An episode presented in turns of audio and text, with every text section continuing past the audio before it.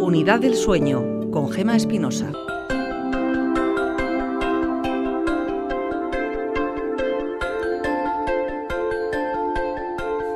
Aproximadamente el 30% de la población padece alguna enfermedad crónica del sueño.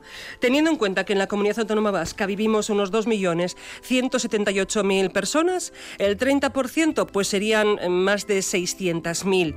Eh, personas que no pueden dormir bien, no una noche, sino de forma habitual. Por eso existen las unidades del sueño. La de Osi Araba es la mayor, en este caso en Euskadi, pero es referencia en todo el Estado y también en Europa. Está en el Hospital San Santiago, aunque unidades del sueño, repetimos, hay en todos los hospitales vascos. Hoy visitamos precisamente la unidad del sueño de la que tanto hemos hablado en este programa, pero en la que quizás usted nunca ha entrado. Y cuando entra, hay una cara amable, una sonrisa amplia que les recibe. Ella es Begoña Abad. Tú estás dentro de la sección de administración de la unidad del sueño. Efectivamente. Y Begoña eres la que conoces eh, la cara y las ojeras de todos los que entran. Y sobre todo las voces. ¿Sí? Sí, hablo mucho por teléfono con todos los pacientes. ¿Les haces el seguimiento y, oye, cómo has dormido? No, les, bueno, lo primero para llegar a la unidad del sueño es acercarse al médico de cabecera, que es el que deriva siempre al especialista correspondiente. Una vez nosotros, personal médico, valora qué es lo que se le tiene que hacer al paciente, entra en una lista de espera para hacerse una prueba o se le cita en consulta, que ahí es donde entra la parte administrativa. Nosotros llamamos a los pacientes, les citamos, llegamos a un acuerdo con ellos, a ver, eh, normalmente citamos una semana o dos vistas solamente. Una o, dos semanas antes porque tienen que ir a dormir allí. Depende, unos tienen que venir a dormir y otros se hace la prueba en el domicilio. Vienen, les explicamos, les damos un dispositivo y lo hacen en casa. La gran mayoría, un 85%, ese es el caso.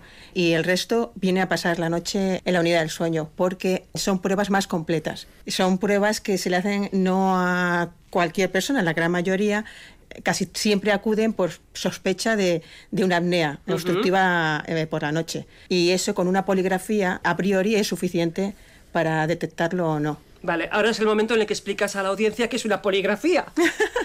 bueno, eh, para hacer estudios de sueños utilizamos polígrafos o polisomnógrafos. La poligrafía pues es un poco más sencilla, tiene menos cables y detecta por la noche si tenemos pausas respiratorias. Y es el motivo de que nos levantemos cansados o de que nos despertemos muchas veces por la noche y vayamos cada vez que te despiertas vas al baño, ¿no? Pues bueno, pues es donde se detecta esos problemas. Y después una polisomnografía pues tiene muchos más sensores para poner y es necesario que lo ponga un técnico una enfermera, en, nuestro caso son enfermeras o enfermeros, los que encargados de, poner el equipo en, nuestra unidad de sueño, en el Hospital de Santiago. Ya detecta más cosas, o sea, o a niños pequeños, por ejemplo, menores de tres años, con una poligrafía es mucho más complicado, tiene menos sensores y si falla uno, no, no sabemos qué es lo que ha pasado en ese estudio de sueño. Entonces les hacemos una polisonografía, que es eso, que es con muchos más sensores y, entonces hace falta que lo hagan allí, en la unidad de sueño. Begoña, ya para empezar me has dejado con la boca abierta, porque dices, no, la administrativa, pero sí sabe más que todo el equipo de la unidad del sueño, santo cielo, qué control de la situación. Se nota que, que hablas con mucha gente y que les informas mucho por teléfono, por eso decías lo de la voz, lo de escuchar y reconocer la voz. Andrea Saez de Guilat, tú eres el segundo paso, digamos que de Begoña, ella es quien eh, cita a las personas, mm, te dice eh, qué es lo que hay que hacer, si con muchos cables o con pocos, así ha quedado claro. Y tú, ¿Cuál sería tu paso en ese caso? Bueno, nosotras hacemos las pruebas a la noche y también hacemos una consulta. La consulta o el seguimiento de las personas que tienen apnea obstructiva del sueño, que normalmente llevan, no siempre, pero llevan una máquina para dormir, una CPAP, una auto-CPAP y demás. Y hacemos esas consultas de seguimiento y también las primeras de insomnio. Cuando una persona es citada porque bien acudido al médico de cabecera y la ha derivado a la unidad del sueño por problemas de, de insomnio, y ahí pues valoramos un poco de qué puede venir ese problema si realmente es un insomnio provocado pues, bueno, por diferentes cuestiones o es que se despierta muchas veces ¿no? por, por la propia apnea. Y luego a la noche, pues una vez que se citan las pruebas, hacemos pues eso, la polisomnografía o la poligrafía respiratoria. La poligrafía respiratoria normalmente en la unidad la hacemos a niños eh, mayores de tres años, porque como ha dicho Begoña, pues a los menores. de tres años es bastante complicado porque se mueven mucho y es más difícil controlar. Se quitarían todo lo que tienen ¿no? Eh, alrededor. sí, se mueven mucho, entonces es más difícil controlarlo. Por lo tanto, entiendo, Andrea, que tú trabajas siempre de noche. No. Ah, menos mal, porque te iba a decir no sería muy por adecuado. Por suerte no, si no sería paciente también. Exactamente. Hemos pasado por eh, Begoña, después Andrea nos pone, mm, vamos a decir, los cables, porque vamos a explicar ahora qué es lo que pasa una noche cuando pasamos por la unidad eh, del sueño. Y Carlos Egea, director de la unidad del sueño. ¿Cómo estáis? Pues eh, hemos dormido bien, así que oh, eso quiere decir que fenomenal, ¿no? Pues eso es lo más importante, ¿no? Lo más importante, nunca mejor dicho. Carlos, esa prueba que hace en este caso Andrea, que entrega al médico, ¿qué nos dice? Pues en función de lo que el que lo ha visto en primer lugar precisa, ¿no? Antes de nada quería hacer un recordatorio a todos mis compañeros médicos, enfermeras, auxiliares que están trabajando ahora, igual que las direcciones de los hospitales y de dicha que están en pleno trabajo para que todos vivamos mejor, estemos más sanos, ¿no? Y es un momento suyo, ¿no? Segundo, nuestras pruebas no hacen pupa, que eso es mucho cuando viene un paciente y le llama a Begoña o le llama a Andrea y pero ¿qué me van a hacer, no? ¿Me va a doler? ¿Visto? ¿Me van a hacer, me van a meter algún tubo por algún sitio? O los niños me van a pinchar. Asombroso. No, no, no hacen pupa, es decir, son pruebas que sí que necesitan el contacto, pero no usamos nada invasivo y que las diferenciamos entre aquellos que podemos hacer las pruebas en casa, una gran mayoría, y aquellos que el aparato no da suficiente información como para hacerlo en casa, niños, personas complejas, epilepsia y necesitamos hacerle la prueba y que se le cite a través de Begoña y que sean las enfermeras que no solamente ponen el aparato, que cuesta un montón de tiempo, que ahora Andrea podría decir, el colocarlo, casi media hora colocarlo y otro tanto quitarlo, sino que además se dedican luego, con consultas concretas de enfermería, a seguirles, ¿no? Porque no es la tradicional, es la pirámide y en la pirámide el ojo, que es el médico, que es que controla. En este caso, como veis, tanto administración, como enfermería, como técnicos, como médicos, tienen su apartado de trabajo y colaboran conjuntamente en que el paciente sea diagnosticado. ¿no? Begoña ha respondido ya a una de las preguntas que teníamos pendientes. ¿A dónde tengo que dirigirme? ¿Al médico de cabecera y de ahí a la unidad del sueño?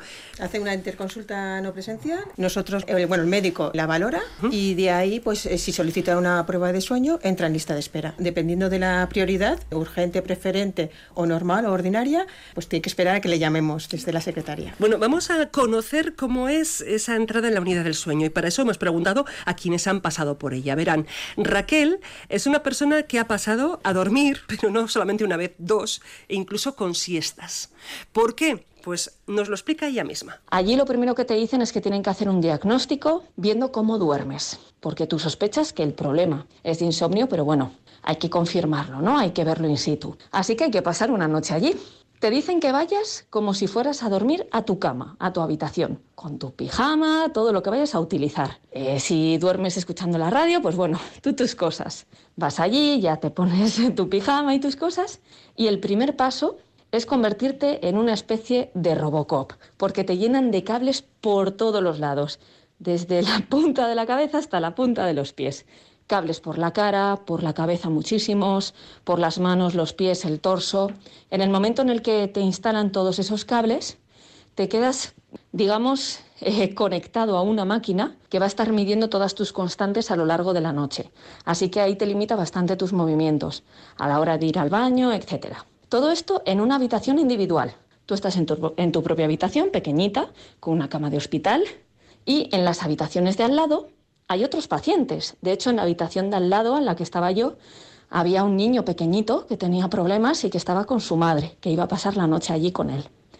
Bueno, pues en un momento dado apagan las luces y todo el mundo tiene que dormir.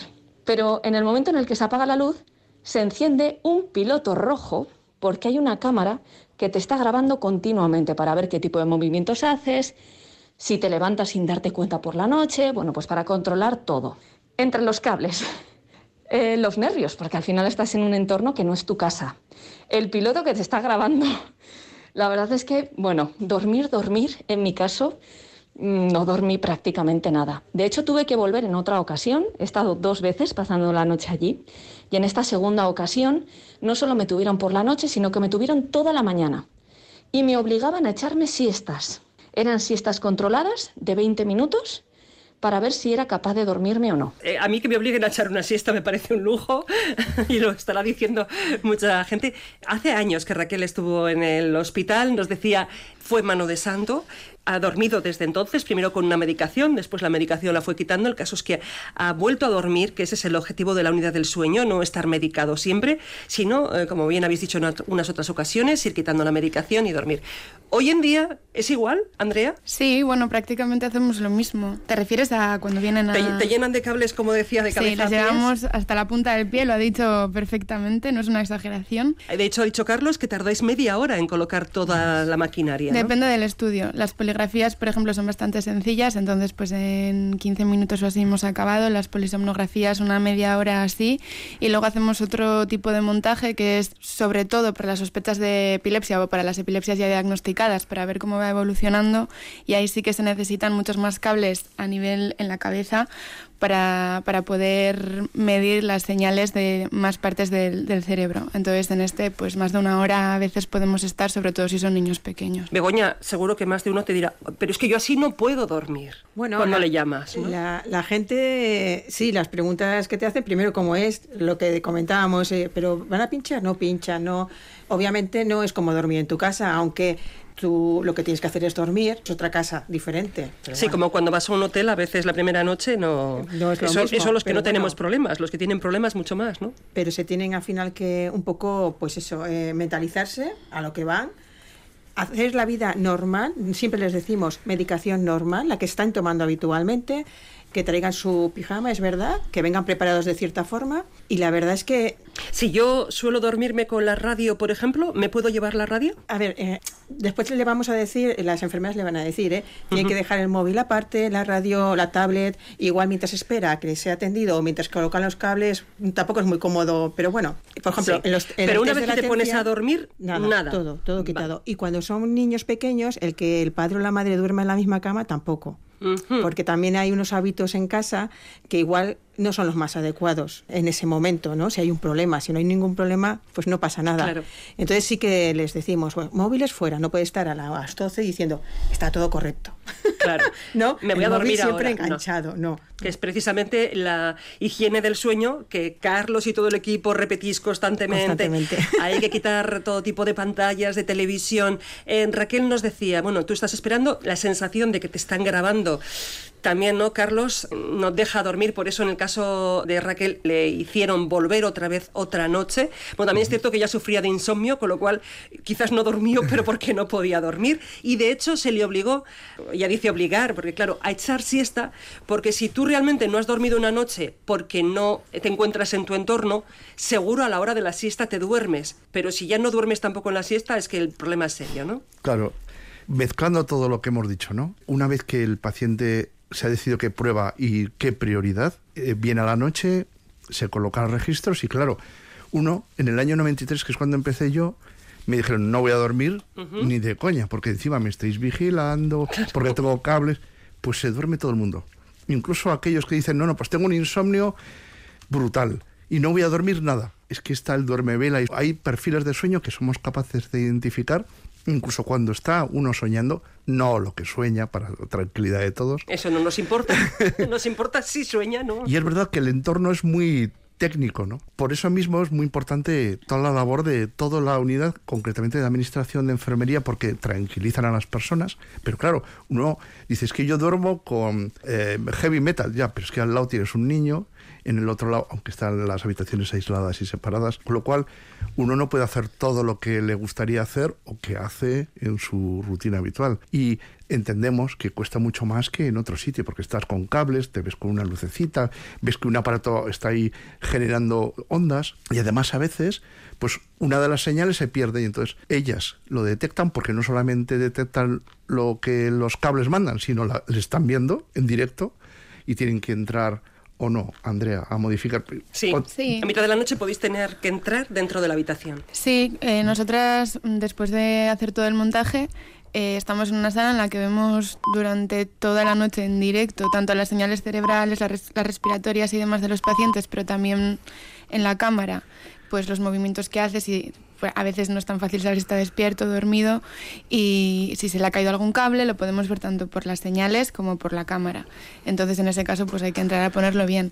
Si es una señal sobre todo muy importante en la que de esa señal va a depender que se pueda hacer un diagnóstico posterior o no. Y con lo que decíais antes, ¿no? Pues nosotros intentamos que cuando viene una persona, los niños, también los adultos, pues intentar que todas las condiciones ambientales y todo lo que esté en nuestra mano para que esa persona se siente a gusto y, y pueda dormir, pues hacerlo, ¿no? Tanto la y los niños, por ejemplo, pues tenemos algún juguete, cuentos, para que se sientan un poco más como en casa. ¿Os ha pasado al revés? Que alguien que no duerme en su casa ha ido a la unidad del sueño y en ese entorno se ha quedado sopa. Bueno, nos pasa mucho de aquellas personas que dicen que no duermen nada, que no duermen nada y que no van a dormir nada, que luego duermen, ¿no? Pero es también un poco lo que ha dicho Carlos, que a veces la sensación subjetiva de las horas de sueño o de la calidad del sueño no es exactamente igual que luego objetivamente lo que tú puedes valorar y las señales no mienten. Tú estás viendo el electroencefalograma continuamente y puedes saber si está dormido o despierto.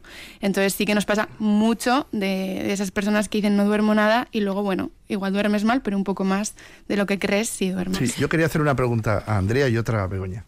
me, uno, me uno a ti. Venga, va. Que es, de todas las personas que hemos hecho, ¿qué porcentaje no ha dormido? Es decir, que lo ha dicho. Y Begoña, ¿cuál es el número de pruebas que tenemos que repetir? A ver, Andrea. ¿seríais capaces de recordar? Bueno, yo un porcentaje pues no Bueno, puedo más o menos, decir, sí, Sí. sí. pero Mucho, poco o ninguno. muy poco, a contadas con una mano.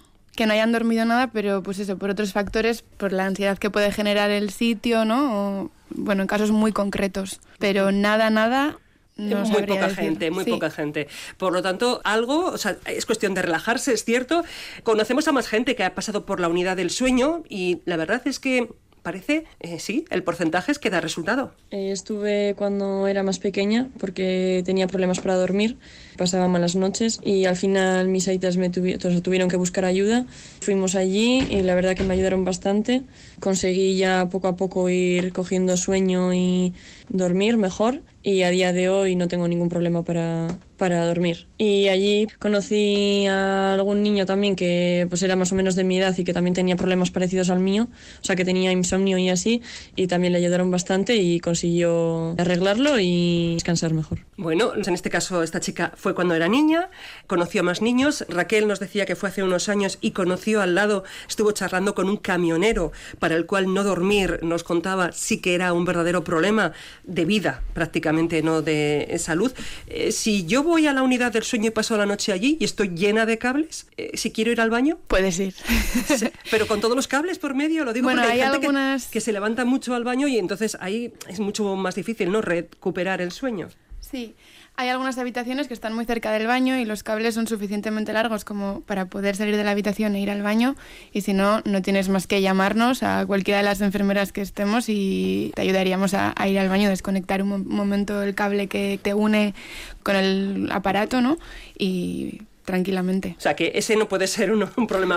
¿no? Puede si ser una excusa. Eso es, por si alguno, por si alguno está preocupado por el tema. ¿Cenar? ¿Debo cenar? ¿Tú les avisas, Begoña, de si pueden cenar Tienen que no? venir cenados. Tienen que venir Tienen que venir cenados. cenados, duchados, sin cremas, lociones ni productos en el pelo ni en el cuerpo y traerse el pijama propio. Vale. el y pijama. si son niños, que se traigan algún juguete o algo para que estén un poco entretenidos, sobre todo ahora con el tema COVID, aunque desinfectamos y dejamos alguna cosa, pero bueno, mejor si traen su propio peluche o Claro. cuentito o lo que necesite. Hombre, mucho mejor. Y sobre todo los niños, si tienden a dormir con un muñeco, mm, Por se van a dormir con ese y no con otro. Sí, sí. Bien. Si me suelo tomar una pastilla para dormir, ¿me la tomo? Sí, la medicación que se tome habitualmente se la se tiene que seguir tomando. Aunque sea para dormir, Sí, sí, algo que me han sí. recomendado, no sé, en sí, la porque farmacia. si la llevas tomando desde hace mucho tiempo, si hoy no te la tomas, vas a tener problemas que ayer no tenías. Entonces, la medicación habitual que tomes te la tienes que seguir tomando esa misma noche. Queremos ver tu vida, que tienes problema, cómo, cómo es, qué pasa en ese momento. Sí. Claro, pero eh, Carlos, si me tomo la pastilla que me ayuda a dormir, tampoco es algo real, ¿no? Pero es un punto cero. Es decir, muchas veces, sobre todo en los insomnios crónicos, que toman medicación y cada vez van aumentando, quieres saber si es verdad que duerme, si no duerme, si tiene insomnio de inicio, si tiene despertar precoz, para luego, en función de la pastilla que tome, que habitualmente son benzodiazepinas, intentar suprimirla con, como dijimos, con terapia cognitivo-conductual u otros perfiles de fármacos que no van a ser tan lesivos. Daros cuenta que España es uno de los países con más uso de fármacos para dormir y para la ansiedad de, creo que de Europa. Entonces, me voy al Carrefour o al Eroski y me tomo, me cojo una pastilla para dormir, no es lo mismo tengo hambre y me compro un plátano. Es diferente si eso se prolonga en el tiempo porque genera un problema. Y queremos saber qué problema tienes con la pastilla para luego poder quitarlo. Es eh, importante, ahí está el matiz de por qué es tan importante en las unidades del sueño, porque si tanta gente utiliza pastillas para dormir, algo estamos haciendo mal. Autoerreparatzea. Letra bakoitzean igurtziz bioz barru aldea Negarrik egin ezin duenaren korapiloa askatzea. Laguntza eske folio batera itxuana miltzea Sinistu nahi dut denok dugula errotuta kaosa Ura maitatzen ikastea ote bizionetan poza Zergatik zabaltzen ote diogun deabruari ateotza Giltza eman nion eta orain badakin egin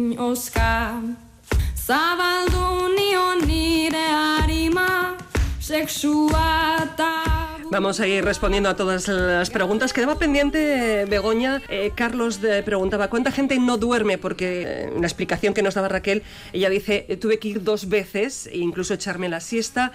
Andrea ha dicho que es muy pequeño el porcentaje de personas que no duerme nada en toda la noche, pero es que si le han hecho repetir una segunda vez, una segunda noche en la unidad del sueño es debido a... Bueno, me preguntaba Carlos qué tanto por cien hay de repeticiones de pruebas de pacientes que pasan la noche en la unidad del sueño. ¿eh? Eh, el porcentaje es muy pequeño. No es el caso exacto del que hablábamos antes, pero sí que es verdad que si normalmente si una polisomnografía no sale bien una noche, lo que se le repite es una polisomnografía, lo mismo. Si le han pedido un test de latencia múltiple de sueño, que es la polisomnografía de la noche más eh, las siestas programadas de la mañana, es porque quieren ver algo más. El porcentaje es ínfimo ¿eh? De polisomnografías de repetir, no sé. Pero normalmente se repite por intentar ampliar el número de datos que se obtienen. Efectivamente, sobre todo si has cambiado de prueba. Si has cambiado de prueba es, es porque quieren ver otra cosa, no ya porque eh, hayas dormido mucho o poco. Sí, vale. sí. Pues está clarísimo, con una noche normalmente es suficiente. Pero tenemos preguntas, Roberto. Vamos a ir respondiendo una a una. Cuéntanos. Pues efectivamente, aluvión de preguntas. Nos dice un oyente, mi hija me ha colocado un reloj de esos inteligentes y me registró que dormía 2 horas 35 minutos. Mi pregunta es, ¿tengo problema de sueño? Eh, es buenísima la pregunta porque muchos de los pacientes que vienen a la consulta o amigos te enseñan y te dicen, mira lo que duermo. La mayor parte de los relojes que se usan utilizan el movimiento para ver si estás dormido o no. Y entonces interpretan que si no te mueves es que estás dormido. Y eso es bueno porque se asemeja a los estudios del sueño, pero no más. Y de hecho el sueño profundo no lo saben medir bien, lo miden por frecuencia cardíaca. Es decir, que no vale todo. Entonces, esa persona que dice que duerme dos horas, su reloj, si ya ve que ha dormido ocho, es que el reloj está mal. Es que igual ese reloj se lo pones a un filete y te marca que está latiendo a 30 por minuto. Es decir, es que ahí tiene Y que hay ser... gente, hay gente que se mueve mucho. Si tú tienes un reloj que mide el movimiento, Claro. hay gente que se está moviendo toda la noche, ¿no? Claro, Y, o- y o- interpreta que has dormido dos horas cuando en realidad has dormido seis. O si lo has dejado en la mesilla. Claro, Bueno, has dormido claro. toda la noche. Sí, claro. Por lo tanto, no, ese reloj puede estar bien, pero no para todo el No es un mundo. dispositivo médico. Y da la información que da. Queremos en la Smart City que queremos poner en Vitoria relojes que están avalados y que lo que dice de tiempo total de sueño es real, pero no más, no, no tenemos más información. No puede dar más de sí ese perfil de relojes hoy. Igual dentro de 10 años o dentro de 3 va a dar mucho más. Cuando dices lo de la Smart City es porque queréis lograr que Vitoria sea una ciudad de sueño, donde el mayor porcentaje de la población pueda dormir bien. Es un es. objetivo que tenéis desde la Eso unidad es. del sueño. A ver si luego podemos eh, extrapolarlo a otras eh, localidades. Más de uno pensará, ah, pues yo me voy a vivir a, A Vitoria. a Vitoria. bueno, eh, tenemos más preguntas. Eh, Roberto, cuéntanos. Sí, efectivamente, hay oyentes que simplemente quieren dar fe de lo bien que les fue, de lo exitosa que fue su experiencia en la unidad del sueño, y hay otros que directamente quieren preguntar Mañana acudo a la unidad de sueño. Me han dicho que me van a poner un aparato para dormir en casa. Al día siguiente lo tengo que devolver. ¿Realmente qué va a medir eso? ¿Deberé volver a hacer la prueba de sueño al hospital? Y si esa prueba de hacer en casa casualmente ese día mm, duermo perfecto, que a veces me ocurre, ¿no se puede volver a hacer? ¡Ay, cuántas preguntas! Vamos una por una. Le hacen una prueba del sueño, pero con una máquina que se lleva a casa. Una poligrafía. Normalmente no hay que repetirla. Algunos pacientes en un tanto por cien considerable, incluso duermen mejor esa noche. Y no sé si es que se sienten acompañados. Es como una petaca que la colocamos en el abdomen y con unos cables, unas gafas nasales y en el dedo. Eh, pues con todo esto parece difícil dormir mejor que lo habitual. Son tres cables solamente, no es mucho y lo que se tienen es olvidarse de él. El aparato ya lo va a hacer todo por sí solo. No tiene por qué salir mal y si duerme más de lo habitual no pasa nada. Nosotros les damos unos cuestionarios, además, eh, muy amplios, en el que si lo que dice el paciente no coincide con lo que se registra, se vuelve a repetir la misma prueba a ver qué es lo que ha pasado en otro momento dado. Eso lo valora el médico. Por tanto, quizás tiene que devolverlo y puede en algún caso tiene que volver a repetirlo. Eh, yo me imagino que me hago la idea, ¿eh? que me tocase a mí pasar por esa noche y yo creo que me quitaría en sueños, estoy segura que diría, ¿esto qué, qué es? No, no, suele ocurrir. No, no. Vale. Hay gente. Pues mira, sí me tranquilizaría. Algunas personas sí, depende de las edades, depende de cómo seas tú. O sea, claro, es que todos, o sea, somos muy, somos muy, distintos. distintos unos de otros. Pero no, en general no. Y es más, cuando el médico valora la prueba, ve todo lo que ha escrito la persona y el registro, y si cree que tiene otra cosa, le pasamos a consulta de insomnio. O sea, que tampoco es necesario ni siquiera repetir esa prueba. El médico es el que valora lo que hay que hacer con cada paciente. Perfecto. Eh, Roberto, ¿hemos respondido a todas las preguntas? Tenemos más, tenemos más. Llevo ocho años utilizando la máquina de sueño. ¿Qué peligro tengo si dejo de usarla? ¿El uso es para siempre? Andrea. Bueno, tiene que seguir usándola si no ha cambiado su situación basal. La máquina no te quita las apneas a posterior. La máquina lo que hace, la máquina de dormir, lo que hace es echa una presión positiva en la que la vía aérea se abre y por eso se, se quitan las apneas. ¿no? Las apneas son unas pausas respiratorias que se dan durante la noche. Entonces la máquina no te las cura, te las quita en el momento que estás dormido. Por lo tanto, si dejas la máquina y sigues teniendo la misma cantidad de apneas, vas a seguir teniendo el mismo problema de sueño. La máquina no te cura el problema de las apneas, sino que te ayuda a dormir. La máquina, a ver, las apneas sí te las quita mientras estás durmiendo. Tú las apneas las haces mientras estás durmiendo y te ayuda a dormir, claro, porque al no hacer apneas no tienes esos micro despertares nocturnos, que es lo que te hace luego estar cansado durante el día y demás. Pero claro, si tú dejas de utilizar la máquina, las apneas vas a hacerlas igual. Por lo tanto, tienes que utilizarla hasta que la situación cambie. Por ejemplo, si eres una persona pues, con mucho peso, ¿no? si disminuyes el peso, que está muy relacionado con la cantidad de apneas, pues puede ser que o bien disminuyas la presión, ¿no? la cantidad de aire que te va a echar la máquina, o a veces se puede resolver y no tener que usarla. Pero si esa situación no ha cambiado, por lo tanto, si yo estoy utilizando esa máquina, todo el mundo le llama la máquina para dormir, ¿no? ya sé que nos empeñamos en, en, decirle el nombre, pero y esa persona, por ejemplo, lleva ocho años, creo que ha dicho, imagínate, utilizándola, pero ha adelgazado mucho, ¿conviene que pida una consulta por si acaso no le hace falta? Sí. sí. Depende, más o menos nosotros, para tener como algo orientativo, les decimos cuando vienen a la consulta de, enfermería normalmente que en caso de que disminuya o aumente el peso un 10%, claro, luego hay que ver también los kilos que tiene esa persona, ¿no? Que no es lo mismo... 200 que 80, quitarle un 10%. Como orientativo un, un 10%, pero claro, puede ser que tú disminuyas menos el peso, aumentes menos, pero te encuentres mal. O sea, lo importante es cómo te encuentras y cómo duermes. Como en general, si has disminuido mucho o aumentado mucho el peso, sí que se recomendaría que vinieses para hacer una prueba para ver si ha cambiado el número de apneas que hagas durante la noche o si te encuentras mal. Si ves que la máquina te echa mucho aire, si ves que tienes muchos despertares, que pese a utilizar la máquina durante el día tienes una excesiva somnolencia diurna, pues eso, que vas conduciendo, que, que, te, que tienes ganas de dormir en, situaciones que normalmente no deberías de tenerlas. Pues ha quedado muy claro. Más preguntas, Roberto. Pasé por una noche en hospital hace años. Duermo con CEPAP la controla el médico de respiratorio una vez al año. Creo que sigo respirando mal, con ruido importante, dice mi pareja. Lo he comentado y me dicen que es normal. ¿Cómo se puede controlar? ¿Dónde en Bilbao? A ver, ¿dónde en Bilbao? Pero la pregunta es, ¿hace ruido él o hace ruido la máquina? Hace ruido él, él o ella, porque no está claro.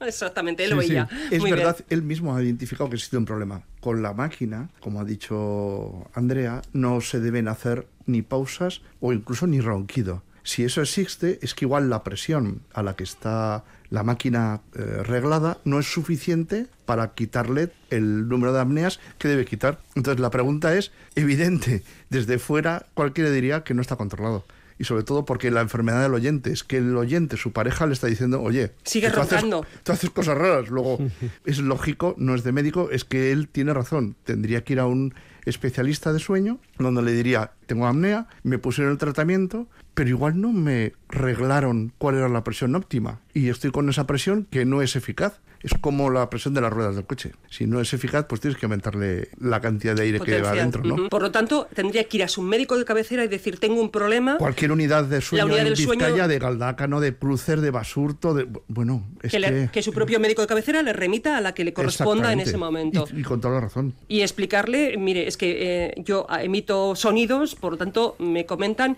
quizás esa medición de entrada de aire no es la correcta. Exactamente. Y su pareja ya se lo está diciendo, algo pasa. Y, y es que tiene razón. Porque alguna vez hemos dicho que la máquina que la gente dice, no, es que la CEPAP hace un ruidito. Sí, lo hace, ¿eh? Eso lo hace muy pequeño, siempre decíamos que se va de, mejorando. Menos de 30 decibelios y algunas máquinas menos de 8. Lo que, el que no tiene que hacer ruidos es él. Hombre, Exactamente. por eso fue al médico probablemente, o porque estaba cansado, o porque su pareja no podía dormir, o porque el vecino oía demasiado ruido a la noche, y le hicieron una prueba, probablemente tendría apnea del sueño severa, y pusieron- por eso Claro. le pusieron el tratamiento. ¿no? Perfecto. Pues vamos adelante con más preguntas, Roberto. Hola, quisiera saber la opinión de un profesional. ¿Qué contraindicación tiene el poner a cargar el teléfono durante la noche dentro de la habitación? Dicen que es malo. ¿Qué secuelas puedo tener si lo hago todas las noches? Eh, Hay electromagnetismo, esto ya es quizás otra Yo solo materia, puedo ¿no? decir que yo lo cargo todas las noches al lado de mi mesilla. Sí. Nosotros lo que reivindicamos es que debemos ponerlo como nosotros en modo avión. El tema de cargar y las ondas electromagnéticas y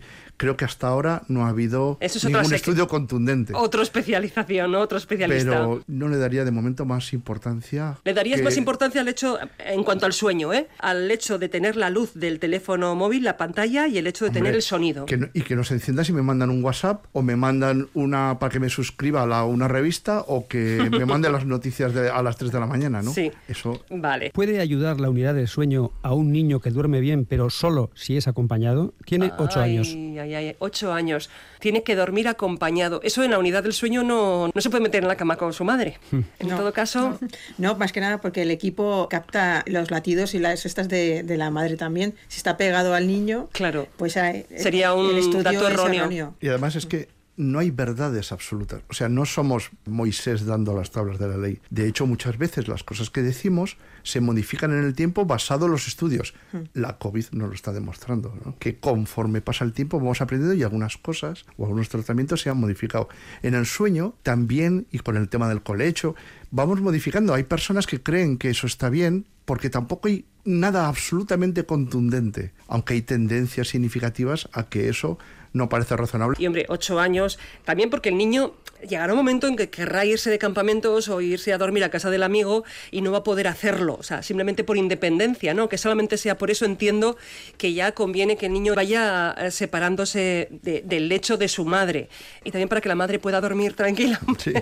si no quiere dormir, eh, quiere dormir sola. ¿Tenemos más preguntas, Roberto? Hay un testimonio que me parece interesante constatar. Llevo un año con la máquina, realmente mi vida cambió. Tenía 29 apneas a la hora. Yo dormía, pero no descansaba. Sueño al conducir, dormirme tras cada comida, todo cambió. No tengo palabras para agradecerlo. Y encima el lujo de que todo lo cubre la seguridad social.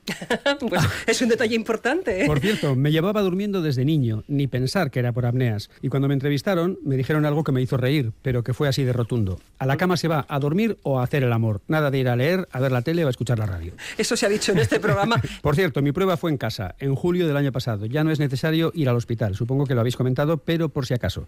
Controlaban mi sueño vía Wi-Fi o Wi-Fi desde la unidad de sueño del UA. Mira, Una cosa quería comentar a raíz de lo que ha comentado este oyente de que es gratis.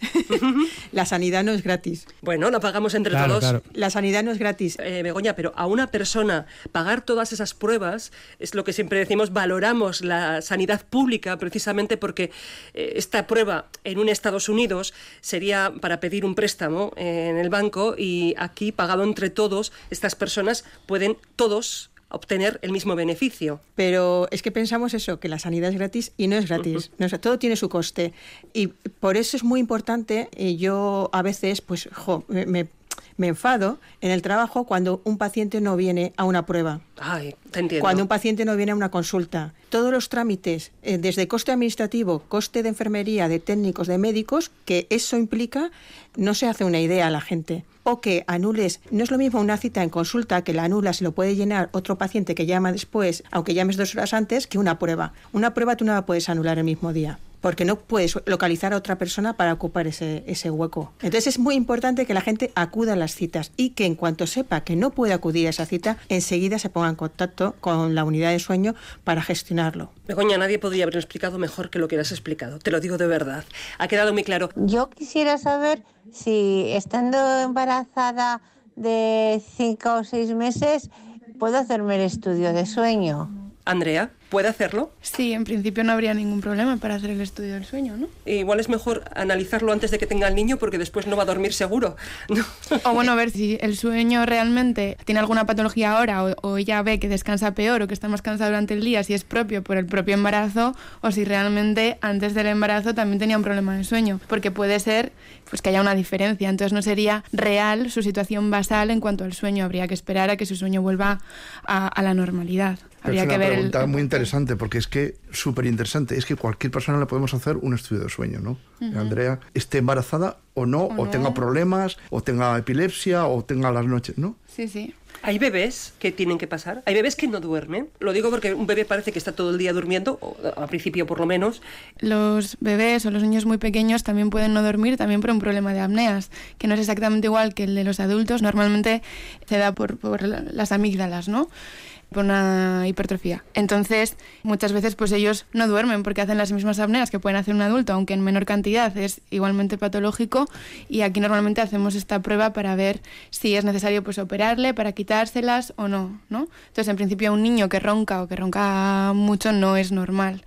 Y sí, pues hay niños que no duermen por esto y que luego durante el día están muy cansados, no tienen tanta vitalidad y claro, eso hay, hay que mirarlo. Hablando de apneas, Carlos, este último oyente decía 29 apneas a la hora.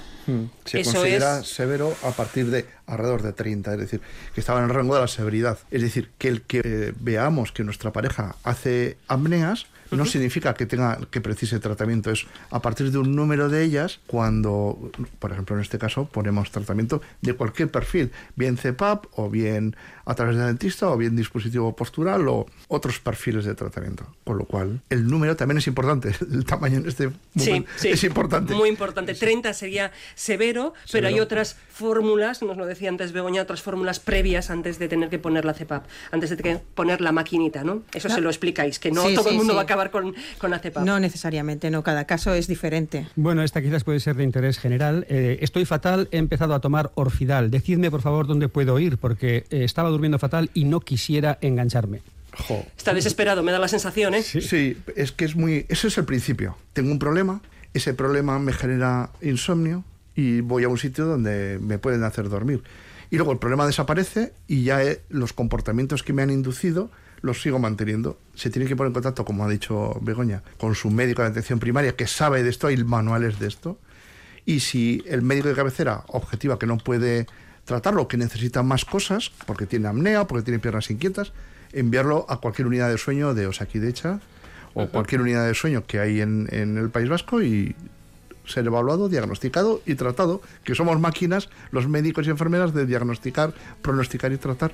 Claro, ¿y qué hace? Mientras que se le da una cita, va al médico de cabecera, le da una cita para la unidad del sueño y demás, ¿sigue tomando medicación? Jo, como eso no lo puedo decir ahora porque no sé cuál es su problema. Me gustaría que no, pero Eh, le gustaría que no, pero el tiempo, eh, cuando tengas que ir a trabajar, eh, no, pues no te queda más remedio. Creo que esta cultura del sueño tiene que extenderse. No tenemos muchos conocimientos, lo hemos ido comprobando. Y me gustaría remarcar que todo el equipo que estáis viniendo de forma desinteresada por mejorar el sueño de todos los que nos están escuchando. Y agradecimiento a Begoña Abad, a Andrea Saez de Guilad y a Carlos Egea. Muchísimas gracias. Muchas gracias a ti. vosotros. Que-